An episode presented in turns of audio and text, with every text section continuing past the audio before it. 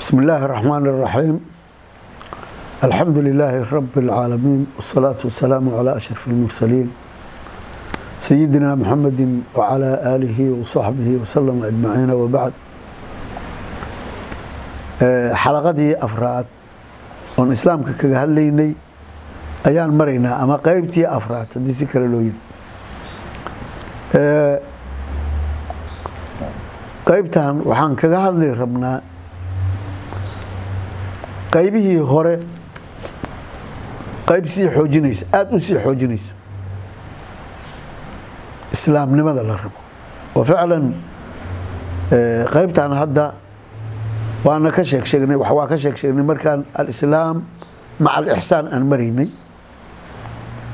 qeybtan cinwaankeeda wuxuu yahay almru bidukhuuli اlislaami bisuuratin kaamila wa shaamila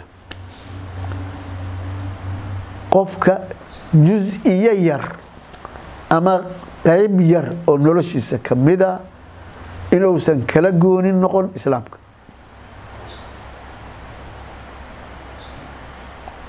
Ilaahay wuxuuna leeyahay subxaanahu wa tacaala yaa ayuha aladiina aamanuu idkhuluu fi silmi kaafa walaa tatabicuu khuطuwaati shayطaan inahu lakum caduw mubiin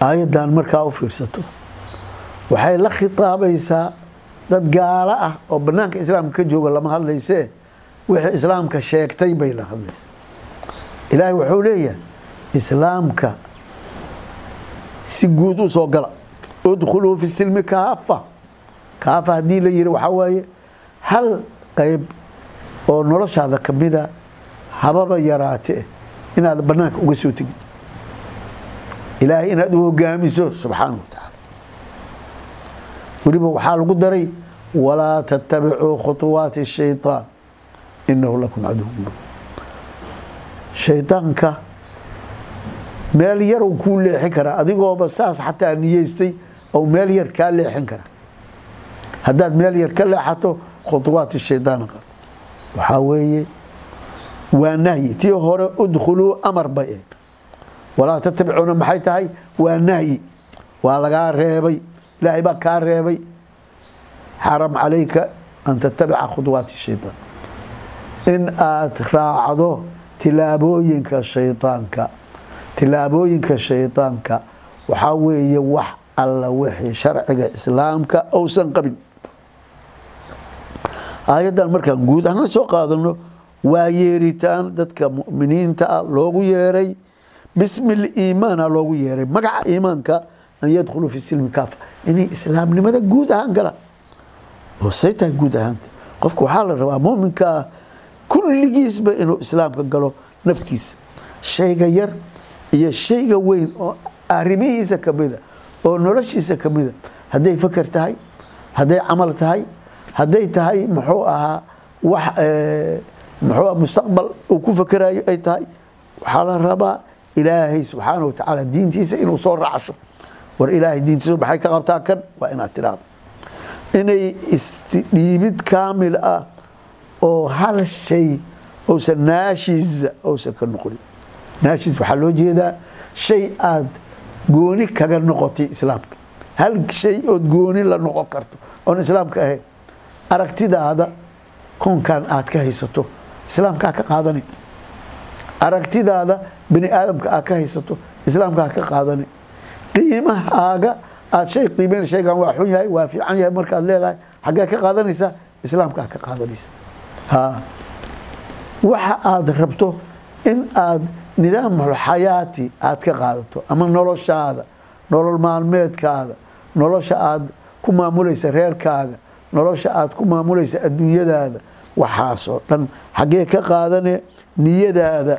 Muxuu ahaa xaggee ka qaadanaysa islaamkaa ka qaad waxaa jeceshahay iyo waxaad necab tahay islaamkaa ka qaadanaysa. Islaamka waa wax guud wey qofka muslim qofku markuu saas yeelo oo muslim yahay wuxuu ajiibayaa wax alla wixii xagga ilaahay uga yimaado subxaana wa tacaala. Wax walbana calaamatu su'aal baa saaran ma raacaayo ilaa uu ilaahay agtiisa ou jawaab uga qofku marka islaamnimo guudow ku sugnaanaya islaamnimadana haddii si kale loo yiraahdo waa salaamo waa nabadgelyo. Alislaam waa nabadgelyo. Hadda maanta caalamka waxaa laga dhigay islaamku waa irhaaba le macna khaldan oo fog weeye oo muxuu ahaa dadka gaalada ah ay ujeeddo weyn ay ka leeyihiin oo ah suuraddii islaamka. In la shawaho oo dadkii suuro kale laga siiyo aragti kale laga siiyo si islaamka looga dheeraado. Gaalada maantay wax kale ay maanta qalbigooda ku degaan iyo wax kale ay ku raaxaystaan iyo wax kale oo noloshooda ku qanacday layihiin ila islaam maahane waa in ayaga naftooda looga digaa islaamka. War waa irhaab la yiraahdo. Waxyaabo badan oo muxuu aha dhulkooda ka dhacayo maanta waxaan ognahay inay ayagu sameeyeen si ay dadka islaamka uga ceeriyaan marka islaamku nabadgelyo wey.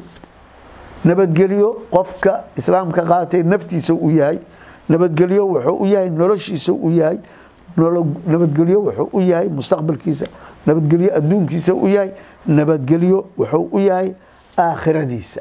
Qof walbaba waa inuu rumeeya maxaa yeeley allah subxaanahu watacaala oo allihii koonkan maamulaya oo allihii qaadirka ahay qaahirka ahay awooda badan lahay allahaas keli ah ayuu talada ka qaatay. Alla caadila alla xakiim ah alla muxuu ahaa maaragtay raxiim ah alla waduud oo jecel.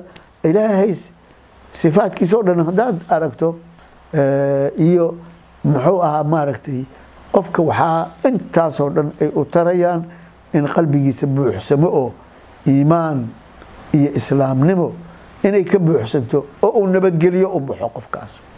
Walidaalika qofka muminka ma argagaxo interes kuma dhaco mushkilo kale kuma dhacdo. Maxaa yeelay allah ku xiran yahay subxaana wa tacaala wou nabadgalay wax kastou ka nabadgalay.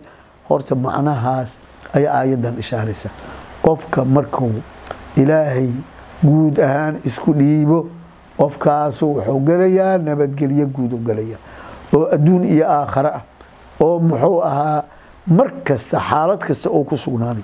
Aayaddaas markaan runtii aan saas uga baxno aayad kale oo macnahaas ishaaraysaa jirto oo muxuu ahaa maarata ilahi lehi subxaana wa tacaala qul ina salaatii wa nusukii wa maxyaaya wa mamaatii lilaahi rabi اlcaalamiin laa shariika lah wabidalika umirtu wa ana awal اlmuslimiin macnaha war kulligaa noloshaada camalkaaga geeridaada xayaatadaada kulli allah subxaana wa tacaala inaa isku dhiibtaa qofka islaam raba inuu ku dhaqmo macnahaas inuu qaataa la rabaa oo uu diinta saas u fahmo oo diinta tafsiir kale lahayn oon macno kale lahayn oo ilaahay weliba lalama hadlayo qof islaamka banaanka jooge qof islaamkii ku dhex jiraa laga hadlay. ha aayaadkan waxay la hadlayaan qof islaamkii ku dhex jira war islaamka si guud u soo gal hal shay yowna banaanka kaaga leexanin hal shay yowsan banaanka kaa aadin. Macno kale ha u qaadanin marka qof walbaba ha isfiirsho ilaahay nidaagiisa yaa ayuha aladiina aamanuu markii la yiraahdo dadka muminiinta dhegtay taagi jireen. Maxaa yeele waxay sugayaan wax la farayo waxay sugayaan wax laga reebayo imaa in wax la farayo imaa wax laga reebayo labadaas unbay sugayiin marka annagana sidii oo kale inaan dhegta u dhegaysano oo aan u fahmno in ilaahayna farayo subxaanahu wa tacaala si guud inaan iskugu dhiibno. Qofkii arka inuu saas yahay waxaa weeye falyaxmad illaaha qofkii kalena maanta weli jaanis ou haystaaye ha ka faa'iidaysto fursadda intaasaan ku soo gabagabaynaya. Billahi towfiiq wasalaamu calaykum waraxmat ullah